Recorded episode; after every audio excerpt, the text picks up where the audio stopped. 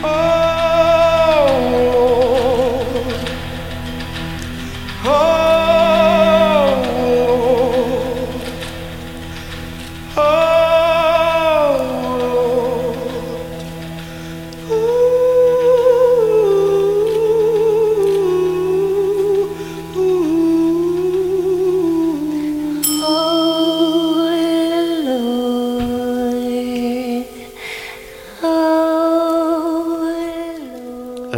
Tijd je hebt doorgebracht in je eigen leven, hoe, hoe anders je naar de dingen gaat kijken. Maar om uh, te beseffen wat een zeg maar, uh, hoogtepunt van je leven is, ja, dan moet je het grootste deel van je leven ook wel voorbij zijn, natuurlijk. Je zit op de fiets, in de auto of in de trein. Misschien ben je je nog gereed aan het maken voor vertrek. Je bent in ieder geval onderweg naar de voorstelling Before After van Night. Het Noord-Nederlands toneel, Club Guy Roni, Slagwerk Den Haag en het Asko Schoenberg Ensemble. Een voorstelling in de regie van Guy Weisman naar de tekst van Ronald Simopfennig. In deze inleiding voor onderweg vertellen we alvast wat je kunt verwachten en geven we wat meer context bij de voorstelling. Bijvoorbeeld over herinneringen en hoe betrouwbaar het geheugen eigenlijk is. Maar we beginnen bij de redenen om deze voorstelling te maken over hoe groot en meeslepend alledaagse kleine levens zijn. Waar gaat Before After uh, over? Dat is lastig omdat er, ik geloof, iets van 30 personages in het stuk voorkomen. In 50 verschillende scènes. Uh, we doen ze niet allemaal. Het, stuk is vrij lang, dus we hebben er, er een aantal lijnen uitgehaald. Um, maar we zien een aantal kleine verhalen die steeds terugkomen. Het is een soort mozaïekvertelling. Ik ben Robert van Heuven. Ik ben uh, gezelschapsdramaturg van Club Caironi NNT. En dus bij deze voorstelling Van Night. Uh, een stel die uit elkaar gaat omdat zij is vreemd gegaan.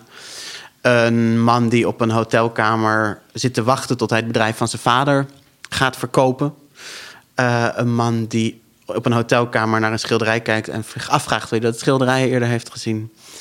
Een oude vrouw die in de spiegel van een uh, uh, badkamer haar eigen lichaam heeft gezien en geschrokken is van het verval. Twee hele gewone mensen die duidelijk al heel lang bij elkaar zijn en heel veel van elkaar houden, maar dat uit door hele gewone gesprekken met elkaar. Uh, nou ja, zo zijn er allemaal vrij gewone mensen die vrij gewone dingen doen. Um, maar tegelijkertijd, dat is wel tof aan het stuk, een soort van, van magisch realisme plaatsvindt. Uh, de, dat man, die man die dat schilderij ziet op de hotelkamer verdwijnt op een gegeven moment in het schilderij en kan niet meer terug. Uh, daar komen, ineens een paar nonnen voorbij. Uh, een, een, wetenschapper die een vreemd organisme heeft ontdekt. eh, dat uit outer space komt. Dus ehm, al die gewone verhalen worden af en toe afgewisseld door meer magisch realistische of bizardere verhalen. en die bizardere verhalen hebben vaak te maken met de eindigheid, de dood, de grootheid van het heelal. Um, om steeds die levens af te zetten tegen iets wat groter is en wat we niet kunnen kennen. Um, we hebben echt grote verhalen verteld in de afgelopen drie jaar. Dus het begon met dat leedvermaak en ging door met de veelvrede en daarna met technologie en de toekomst. Uh, en wat ik wil doen in de volgende voorstelling is terug op ons en op de mens focussen. Ik ben Guy Weitzman, artistiek directeur van het Noord-Nederlands Toneel en Ronnie.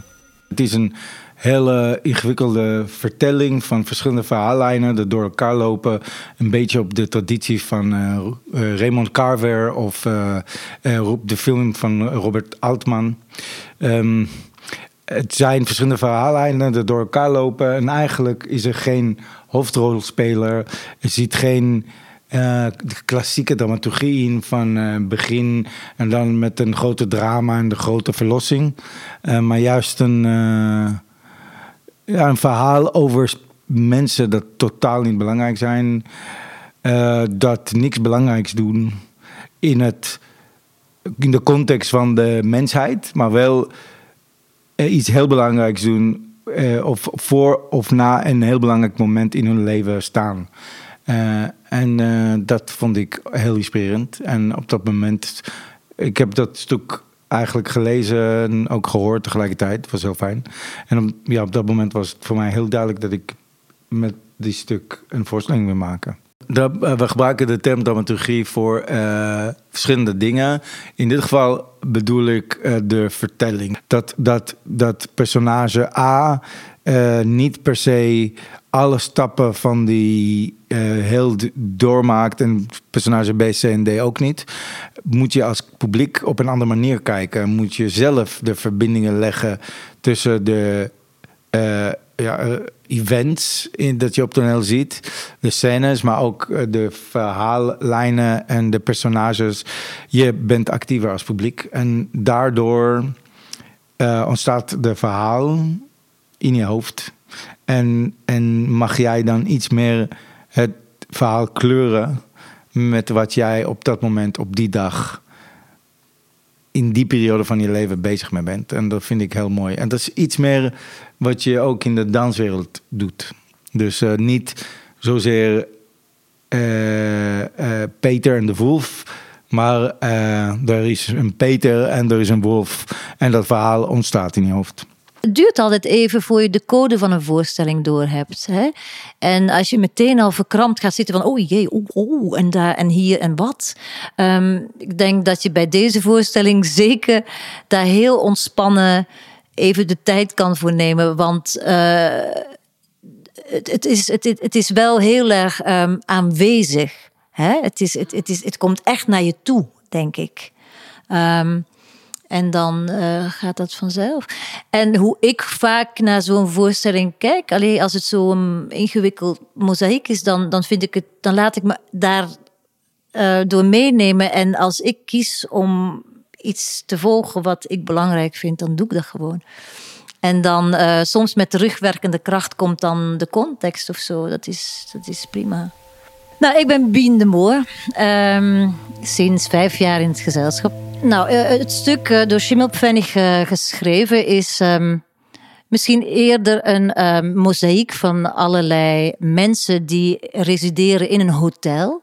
Hè, ehm, en je hebt daar allemaal in alle kamers verschillende levens, verschillende mensen die van alles meemaken. Wij hebben ervoor gekozen om een van die personages, namelijk de oude vrouw, boven 70 of zo heet ze ook, ja, een soort spil daarvan te maken, die letterlijk even naar voren te schuiven, alsof de hele voorstelling en dus alles wat er gebeurt in die, al die verschillende kamers een herinnering kunnen zijn van haar of deel uitmaken van haar leven of wat ze heeft gezien.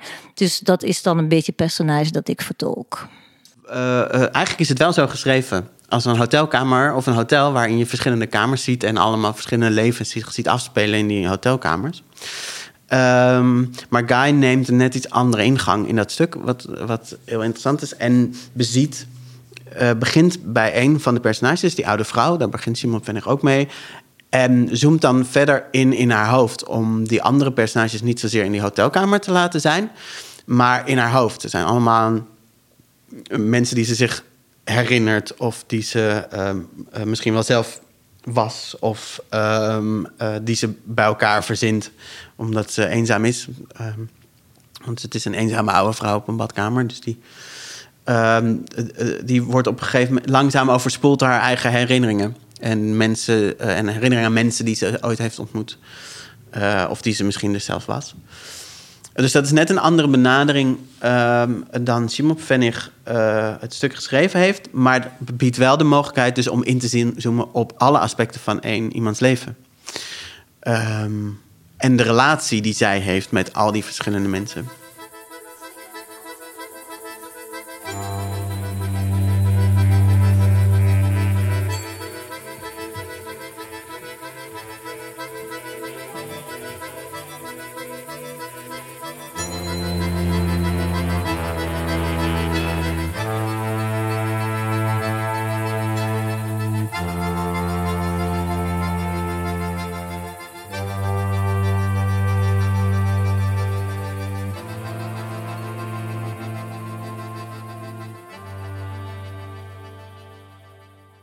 De voorstelling gaat over, sowieso over inzoomen in de kleinste details en daar rijkdom te vinden die echt vanuit de afstand niet gezien wordt. Maar ook soms echt helemaal uitzoomen en daardoor de rijkdom zien van eh, wat van heel dichtbij niet te zien is. Ehm, ik heb gekozen om in te zoomen op het leven van een oude me- mevrouw, oude vrouw. En eh, vanuit een perspectief van een leven, niet een bijzondere leven, maar gewoon een leven. Een leven zoals die van mij of van mijn moeder of van jouw moeder. Ehm, heel rijk is en heel bijzonder is. En we kruipen in haar hoofd. En in haar hoofd zit een hele leven. Dus op die manier, hele leven met muziek, met beweging, met beelden, met personages, met eh gedachten, met eh, conflicten, met liefde, met pijn, met teleurstelling. En eh, dus eigenlijk heb ik he- heel veel middelen nodig om het rijkdom te laten zien van één personage. Het is een nightproductie, dus we werken samen met Slagwerk Den Haag en Asko Schoenberg Ensemble, Club Gaironi en het Noord-Nederlands toneel. Allemaal één hoop. en eh, dit keer ook samen met de Poetic Disasters Club in een eh, maxi-editie, dus eh, in een editie van 20 dansers. In totaal zijn er bijna 40 mensen op toneel. Die voorstelling is echt een Zwitsers uurwerk. Hè? Het, is, het is omdat alles met camera ook is. Dus die kaders zijn op de millimeter echt eh, bepaald. Hè? Die shots allemaal. Er is ook heel wat verkeer met, met muren en meubelstukken. En nou ja, ehm, wisselen van kleding en zo. Dus het is... Het heeft heel veel, eh, moet ik dat zeggen, techniciteit of zo. Of je moet echt eh, je hebt honderdduizend cues. Er zijn ook muziekcues. Dus je speelt op twee rails. Je, je zegt je tekst en je weet op die tekst moet ik dat en dan moet ik daar zijn. Maar ik denk hoe meer rust wij allemaal hebben. En ook alle disciplines. Want eerst waren we misschien nog allemaal apart. Zo had je de muzikanten, de acteurs, de PDC'ers, de zeg maar dat. En hoe meer wij één groep zijn en ons helemaal voorbewegen op dat toneel. En gewoon dat je een klein wieltje bent in de machine en dat je je daarvan bewust bent. Dan wordt het denk ik ook behapbaarder voor het publiek. En je gaat echt heel veel dingen niet zien. En je zal echt nog een keer moeten komen om alles te willen zien. Maar dat is ook vet. Je kan gewoon kiezen. Nu kijk ik hierheen en nu kijk ik hierheen. En als je denkt, oh mijn god, ik heb de helft gemist. Ja, dan moet je nog een keer, moet je nog een keer komen. Ik ben Saria Nee. Ik ben eh, 27 jaar en ik ben in 2016 afgestudeerd aan de Amsterdamse Toneelschool en Kleinkunstacademie. En ik ben sinds 1 september het nieuwe lid van het ensemble van het Noord-Nederlands Toneel. Ik speel wel meerdere rollen, maar ik denk dat mijn grootste en duidelijkste lijn eh, een vrouw van rond de 30 is. En dan in onze vertolking denk ik eigenlijk ook ja, de jonge rol van de jonge Bien, zeg maar. Ik, probeer niet Bien te spelen. Ik probeer te voelen dat alle verhalen met elkaar verbonden zijn. En dat mee te nemen in alle personages die ik speel. Ehm, en er zit wel één scène in dat ik met Bien wel gewoon op het toneel ben. En dat, we, dat ik voor het eerst in de voorstelling een paar ogen zie. En dat zijn de ogen van Bien. En dat is voor mij wel een moment dat ik denk... Ja, nu staan we hier samen. En dit is jouw leven. Ze, ze, ze doorloopt haar leven. Ze begint eh, als meisje van, van zes en uiteindelijk wordt ze 68. Hè, dat, dat zeg ik bijna letterlijk. Eerst ben ik zes, dan ben ik veertien, en dan ben ik 60 en dan ben ik 68. Dus, dus bij mij zit er een duidelijke lijn. En doordat ik dan luister of, of ehm, ehm, eh, gevoel wat er achter mij allemaal gebeurt. Hè? Ik neem dat echt op in me, in mijn hoofd. Ehm, zijn dat levensfases die ik heb eh, beleefd. Soms, met, vooral met, met eh, Sarah, ga ik soms letterlijk gewoon dat figuur een klein beetje belichamen. Heel, heel subtiel eigenlijk. En voor wie het ziet, fantastisch. En wie het niet ziet, mist helemaal niks. Maar voor mij helpt het dan om die, om die draad te maken of die lijn te maken van het leven van die vrouw.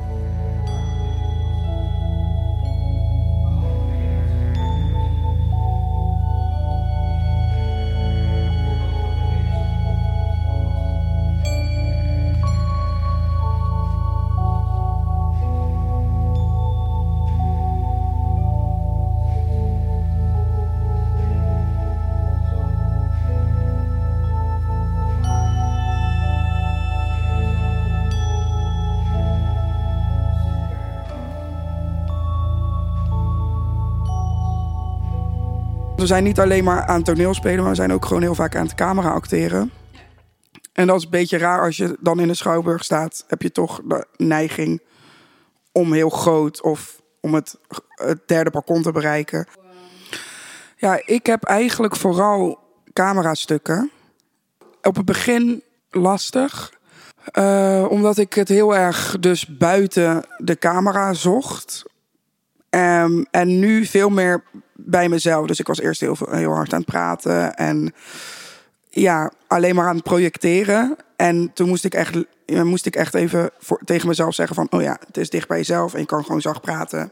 En je hebt een zender. Ehm, ja, het is, een, het is een ander ding. Maar het is, ik vind het wel echt heel, echt heel leuk om, eh, om te onderzoeken. En daarna is het einde, voelt dan eigenlijk als thuiskomen. voelt zo, oh ja. En dit is dan gewoon met de zaal. En wat ik daarvoor allemaal heb gedaan ook. Dus eigenlijk, want ik was de eerste altijd zo in de war van... Hè, maar dan, ik kan geen contact maken, want ik zie geen ogen. En eh, je ziet ook de, de, de hele performance, zie je bijna niemand... omdat je alleen maar in de camera kijkt. Ehm, maar ja, nu hebben we dan maar besloten dat de lens van de camera de ogen van het publiek zijn.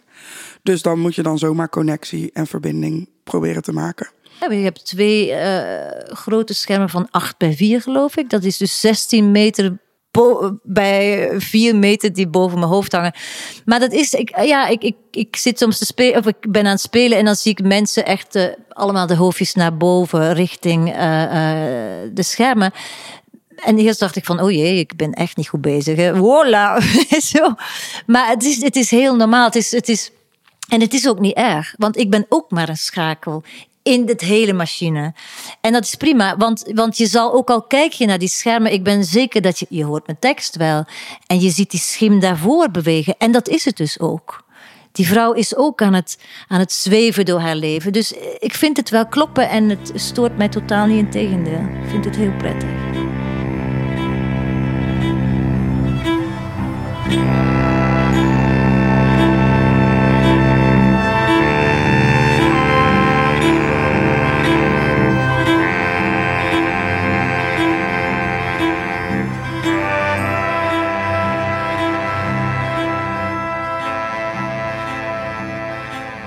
PDC is de, is de Poetic Disaster Club. Ehm, het zijn mensen die hier eh, stage lopen. eh, en vooral dansgerelateerd. Ehm, en ehm, het is een groep nu van 19. Ehm, en zij eh, zijn eigenlijk de lijm van deze voorstelling. Dus zij bewegen constant, zij maken alle sets. Eh, ze zijn in een super mooie concentratie. Dat is eigenlijk al een voorstelling op zich wat zij daar doen. De anderhalf uur dat, dat wij die voorstelling eh, spelen.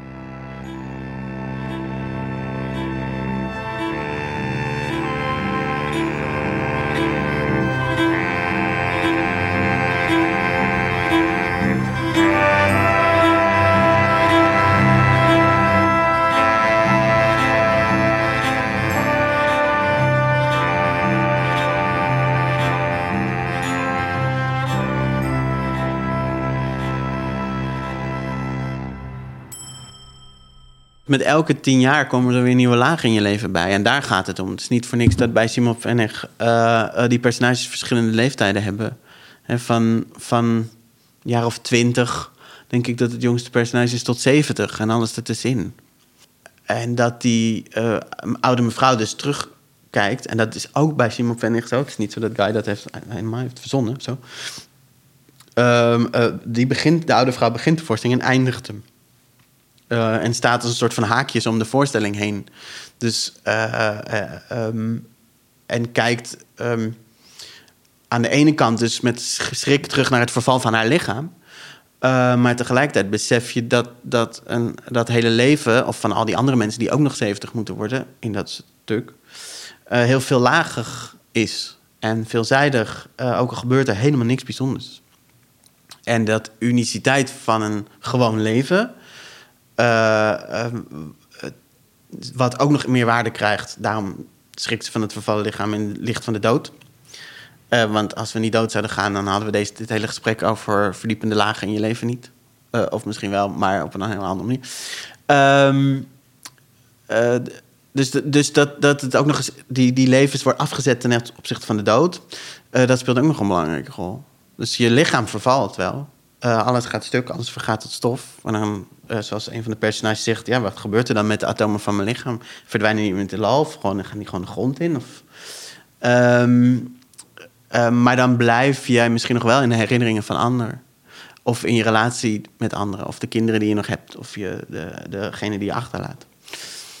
Ehm, en nou ja, over dat soort ervaringen, kleine en grote ervaringen tegelijk, hebben we het dan. Een oudere vrouw die terugblikt op haar leven en de levens die daarin voorbij zijn gekomen. Hoe komt het nou dat we op oudere leeftijd meer geneigd zijn om terug te kijken en herinneringen op te halen? Dat vragen we aan misschien wel de geheugenexpert van Nederland. Ik ben Douwe Drijsma. Ik ben eh, geheugenpsycholoog. En het meeste van mijn werk gaat over het autobiografisch geheugen. Dat wil zeggen het geheugen eigenlijk voor je eigen lotgevallen. Dus eh, geheugen zoals je dat in de normale betekenis in het dagelijks leven eigenlijk hanteert.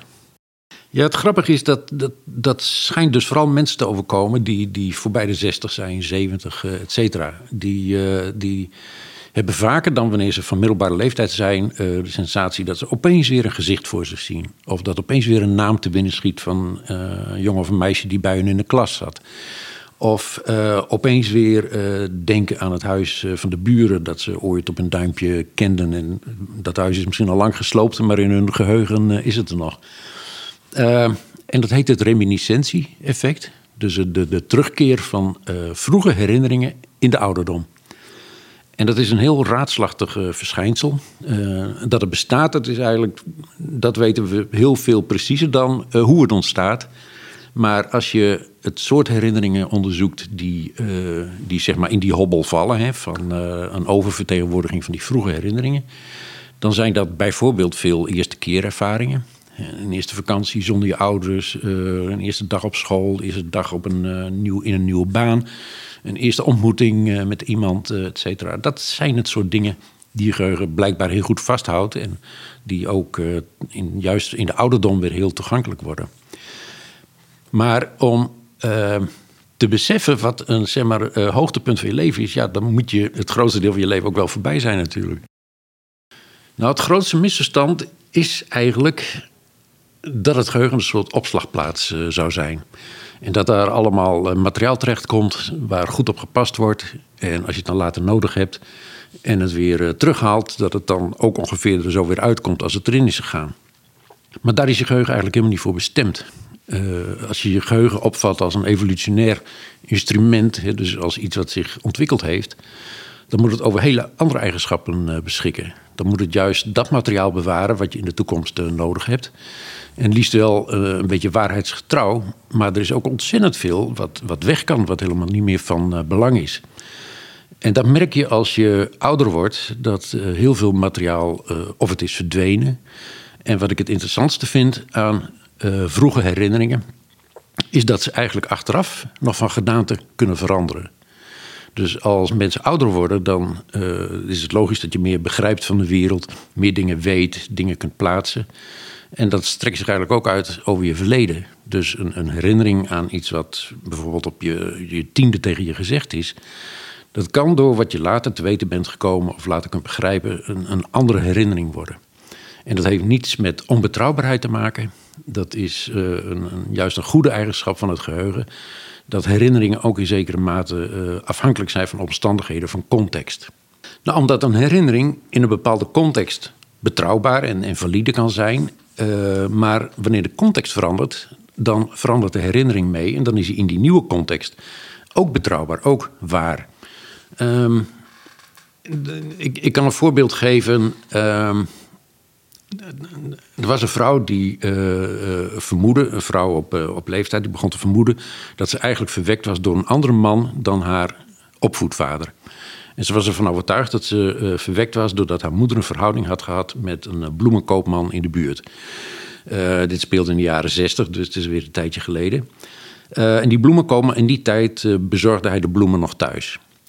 Nou, die vrouw die loopt een beetje rond met dat idee. En die, eh, op een gegeven moment neemt ze haar broer in vertrouwen. En ze zegt van, ik denk dat ik verwekt ben door die bloemenkoopman van Duinen.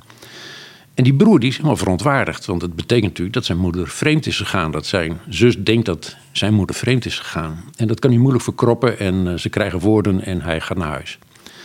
En de volgende ochtend uh, belt hij op. En zegt hij, ja, dat verhaal van jou, dat is vannacht toen ik wakker lag... toch een beetje gaan broeden bij mij. En toen herinner ik mij opeens weer dat als die bloemenkoopman bij ons thuis kwam... dan mochten wij als kinderen in de cabine van de vrachtauto spelen, zolang ze wilden. En dat is natuurlijk achteraf dan een heel andere herinnering voor hem geworden. Hij, die bloemenkoopman wilde geen pottenkijkers. Dat deed hij niet omdat hij die kinderen zo leuk vond en uh, hun dat gunde. Hij wilde gewoon uh, zijn tijd alleen met die moeder. Nou, die vroege herinnering, die is natuurlijk binnen de context uh, van uh, lekker spelen in de cabine. Ja, betrouwbaar en valide. Maar met die nieuwe wetenschap wordt het een andere herinnering. En dat betekent niet dat die oude herinnering onbetrouwbaar is en de nieuwe uh, wel betrouwbaar. Ze zijn binnen hun context allebei betrouwbaar. De, de scènes in haar hoofd worden ook gefilmd. En die zien we op een heel groot videoscherm terug. Um, waardoor er ook nog eens een ander perspectief op die herinneringen komt. Dus aan de ene kant zie je de subjectiviteit ervan. Je ziet hoe die herinneringen op het toneel worden gemaakt. Uh, hoe haar uh, herinneringen, haar neuronen, haar lichaamcellen die scènes maken. Samen met de acteurs. En tegelijkertijd zie je daar een object, geobjectiveerde versie van op het scherm. Alsof dit de enige uitkomst is hoe die scène zich had kunnen afspelen. Maar op het toneel kun je zien dat dat helemaal niet waar is. Dat die scène op honderdduizend andere manieren had ontstaan had kunnen zijn, maar dat is niet gebeurd. Nou, dat, dat verschil tussen een bewust en een onbewust geheugen, dat, uh, dat bestaat natuurlijk. Er zijn heel veel dingen die wij um, heel moeilijk bewust weer kunnen ophalen. Bijvoorbeeld uh, hoe jouw ouders eruit zagen toen ze 40 waren. Ik denk dat als je dat probeert, dat je je eigenlijk een foto uit die tijd herinnert. En als ik mij probeer te herinneren hoe mijn kinderen eruit zagen toen ze tien waren, dan gebeurt eigenlijk hetzelfde. Maar stel nou dat er een, foto opduikt van jouw ouders toen ze 40 waren, je zou ze ogenblikkelijk herkennen. Dus die kennis die is er wel, alleen die is heel moeilijk bewust omhoog te halen. En dat geldt misschien wel voor de meerderheid van, van wat wij weten. Dat wat wij daarvan kunnen reproduceren eigenlijk maar een, een, een verdwijnend klein deel is. En dat het meeste daarvan, dat, ja, dat ligt latent, dat sluimert in ons geheugen. En dat komt eigenlijk alleen boven bij precies de goede cue herinneringen zijn ook geconstrueerd. Je maakt je eigen herinneringen. Hè? Het is, uh, je ziet een foto van vroeger en dan ga je daar een heel verhaal bij reconstrueren. Maar is dat zo? Who knows? Dus daar ben ik me meer dan ooit bewust van of zo.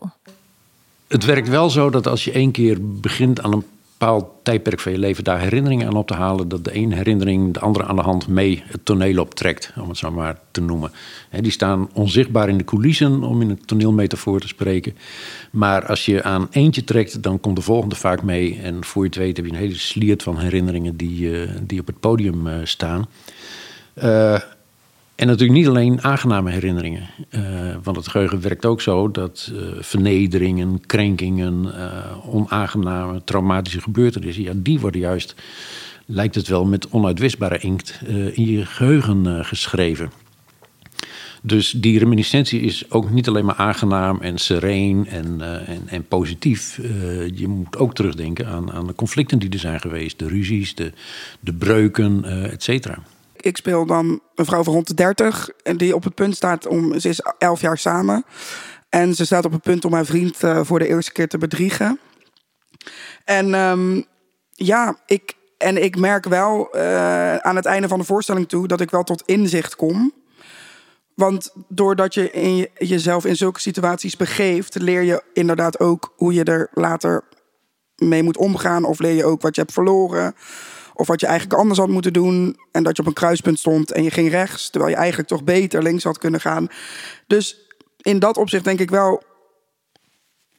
Dat hoe ouder je bent en hoe meer je hebt meegemaakt. Dat, je, dat het wel invloed kan hebben op je latere beslissingen. Iedereen heeft zijn, rugzakje mee. En die, die wordt steeds voller. Dus je hebt. Um al een en ander meegemaakt en je weet hoe je in bepaalde situaties reageert of wat het met je doet. Ehm, dus daar kan je dan wel misschien eh, beter mee omgaan. Ehm, dat het je minder pijn bijvoorbeeld doet. Of dat het je net eh, makkelijker is. Eh, zoiets. In een ideaal geval ziet reminiscentie er wat mij betreft zo uit. Dat je met, inderdaad met meer mildheid en meer wijsheid terugkijkt op eh, wat zich in je leven heeft eh, voorgevallen. En je, omdat je dat hele leven kunt overzien, daar ook eh, ja, een, een soort duiding en interpretatie aan kunt geven. Elke ervaring is een laag waardoor je alles wat daarvoor kwam een nieuw perspectief gaat zien. Ehm, dus hoe ouder je wordt, en daar gaat het voor Guy ook om, hoe wijzer je wordt. Omdat je alles, ook je herinneringen, in een veel groter mozaïek van perspectieven kan zien dan je tot dan toe, tot, dan iemand van, van 15. Eh, vandaar dat Guy zo graag bij die oude vrouw wilde beginnen. Eh, hij ziet daar ook de, de wijsheid ook van zijn moeder in. En de wijsheid van heel veel oude mensen. En die we dan, eh, zegt hij dan, en misschien heeft hij ook wel gelijk, die wijsheid steken wij dan weg in verzorgingstehuizen. Omdat we te druk hebben met andere dingen. En dat ga, daar gaat voor hem ook wel de voorstelling over. En dat klopt ook wel. Er zit heel veel gelaagdheid in een oud leven. Dat, dat, eh, dat zien we zo makkelijk over het hoofd. Nou, ik ben heel benieuwd naar hoe het publiek naar onze voorstelling gaat kijken. Dus ik zou zeggen, spreek ons aan naar de voorstelling. Wij komen meestal nog een glaasje drinken in de bar. En eh, ik vind dat prettig. Nou, mocht je ons dan niet treffen in de bar, dan kan je altijd iets achterlaten op onze socials. eh, of op een kaartje in de foyer. En dan kunnen we het altijd lezen, want we zijn heel benieuwd wat iedereen ervan vindt. Dus eh, let us know. Je luisterde naar de inleiding voor onderweg bij Before After van Night. De voorstelling is nog te zien tot en met 17 december in theaters door Nederland. Vond je het interessant? Stuur de aflevering dan gerust door naar iemand die hem ook interessant zal vinden. Heb je nog een vraag of opmerking? Laat het ons weten op onze social media of stuur een mail naar info@night.nl. Fijne voorstelling!